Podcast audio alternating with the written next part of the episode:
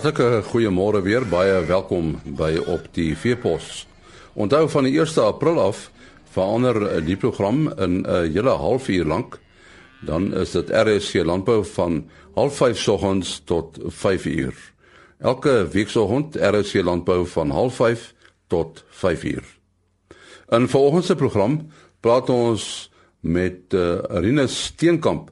Hy het 'n uh, Hy het 'n Simbra stoetery in die omgewing van Leidenburg. En dan praat ons oor seile wat 'n mens gebruik uh, as 'n mens kuilvoer maak.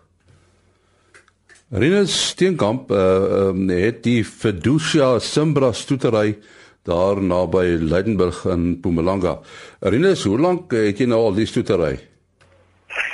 Nee, ons het uh So ek het gesê ons het eintlik uit 'n kommersiële agtergrond gekom. Ons is nou op pad so na 30 jaar toe met die stoetery. Ehm uh, my pa is eintlik een van die pionierspelers van die simmer aanbetref. Uh hy het hier in die vroeg 80er jare het hy in Amerika het hy die simmer ges, gesien daar en toe het ons verlief geraak op die ras en uh toe maar gebou van daar af ja. En hoe groot is die stoetery op die oomblik? Uh die stoetery loop nou so 600 koeie en dan het ons so 200 kommersiële koeie wat ons wat ons aan daar op die plaas. Is jou pa nog betrokke by die uh, bedryf? Jong, my pa is my groot mentor en goed, hy is nog nie hy's nie regtig, hy's 88 jaar oud, maar uh Ja, dit is so groot voorreg om hom daar te hê en jy weet as 'n mens regtig 'n krisis jy weet dan gaan sit ons op die stoep en gesels en hy kan vir my altyd baie leiding en advies en goed gee ja. Nou julle lê baie klem op die genetiese vermoë van diere. Vertel ons meer. Weet jy uh nee, dit is aanvanklik toe ons nou begin het met die stoetery. Uh ons kom nie uit 'n skou georiënteerde ehm um, bedryf nie. Ons het weet die ding al uh, uh, ons kompetisie was eintlik maar jou sintetiese rasse. So ons het gedink jy weet om uh geld te maak uit die boerdery en daarmee moet ons die beste genetika in die hande in die hande te probeer kry. So dit is vir ons baie belangrik.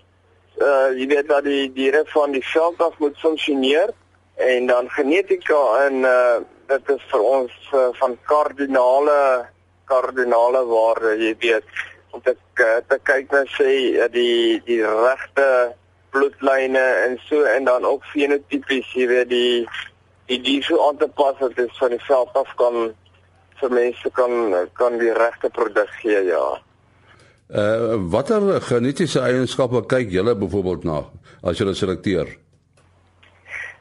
Baie belangrik, Jenny is dat uh uh jy weet so voer voer omset vermoë uh wat baie belangrik is. Uh jy weet laat 'n mens kan bietjie waarde toevoeg uh tot jou tot jou produk.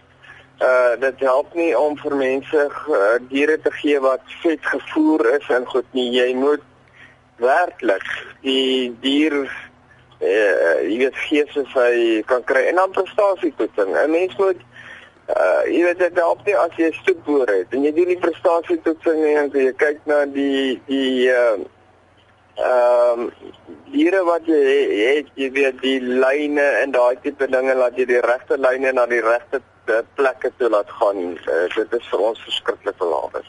Ek neem aan julle gebruik KI KI word op groot skaal gedoen ek uh, het vroeër omtrent seker so ehm um, uh omtrent 50 wat diere gekaai. Ek doen nou elke jaar so 30 en dan bring ek uh, diere op 'n gereelde basis nou sê saad van Amerika af en van Mexico bring ek in. Jy weet so dat mense, jy weet stoetdeler is altyd op soek na iets anderste. So jy moet jy moet iets anderste doen veral in die poenskop rigting. Jy weet Daar is korrelasies byvoorbeeld sê soos swakker bestuuring by poenskop en goeders, maar jy moet byvoorbeeld, jy weet jou regte hiere met goeie bestuuring en goeie konstitusie en daai tipe dinge uithaal as jy byvoorbeeld in daai rigting wil wil wil gaan. So jou diere word uh jy weet in een pool gegooi en jy haal net jou bestes uit en, en dan kyk jy na daardie uh genetiese vermoë en jou genotipiese en fenotipiese eienskappe, ja. Nou sou jy uh, sê dat jy nou al bereik het wat jy wil bereik met jou seleksie. Jong, genetika jou baie nederig hè nie. 'n Mens dit is 'n lang proses wat jy uh loop. Weet jy wat? Vandat ons die diere op die veld aanhou en geen mieliereste het nie en goeders, is daar nie passasiers nie. Die diere kalf uh uh elke elke jaar Daar is nie soos iets soos 100% eh, sukses nie, maar met doelose se seleksie uh is is uh, onder onderhandelbaar. Jy weet jy moet altyd probeer kyk om te verbeter en uh verhouding op uh bou met jou kliënte. Jy weet al jy wat jy sê altyd vir vir 'n persoon, jy kan nie daar's nie iets soos 100% nie, maar jy vra nie, jy gaan nie maak regstellings en jy gaan kyk na die mense se diere en jy probeer daai vir, vir die mense gee wat werk op hulle plaas. En so sien dit is miskien moeiliker om 'n dier te gee wat in 'n kondisie 3 is vir vir iemand as wat jy nou hier die goed vreeslik opvoer en en so en daai dier perform nie op uh, iemand anders se plaas nie. Dit is vir my die die die, die sukses. Jy weet nie altyd drie produksieveilings gehad en van daardie af het ek nog nooit weer 'n produksieveiling gehad nie. Ek het 'n verhouding opgebou met mense. Ek het gaan kyk hoe op die plaas watter tipe diere het en ons het vriende geword. En uh die mense kom terug. Jy weet die buurman vertel, luister hierdie dier pas aan by my. Hy gee vir my kalvs. Jy moet kyk na daai tyd maak, jy weet soos jou uh uh, uh jou 12 en 18 maande en jou uh 205 dae massas en watter uh, produksiestelsel het daai man en dan gee jy vir hom daai dier wat aanpas en as jy 'n fout maak vra jy nie vra nie. Jy gaan ruil om uh jou biosekuriteit moet van van uh, uh weet onder onderhandelbaar wees. Jy met vir die mense sê kan waarborg jy weet hierdie goed het nie terug nie. Hierdie ding is vrugbaar gesertifiseer.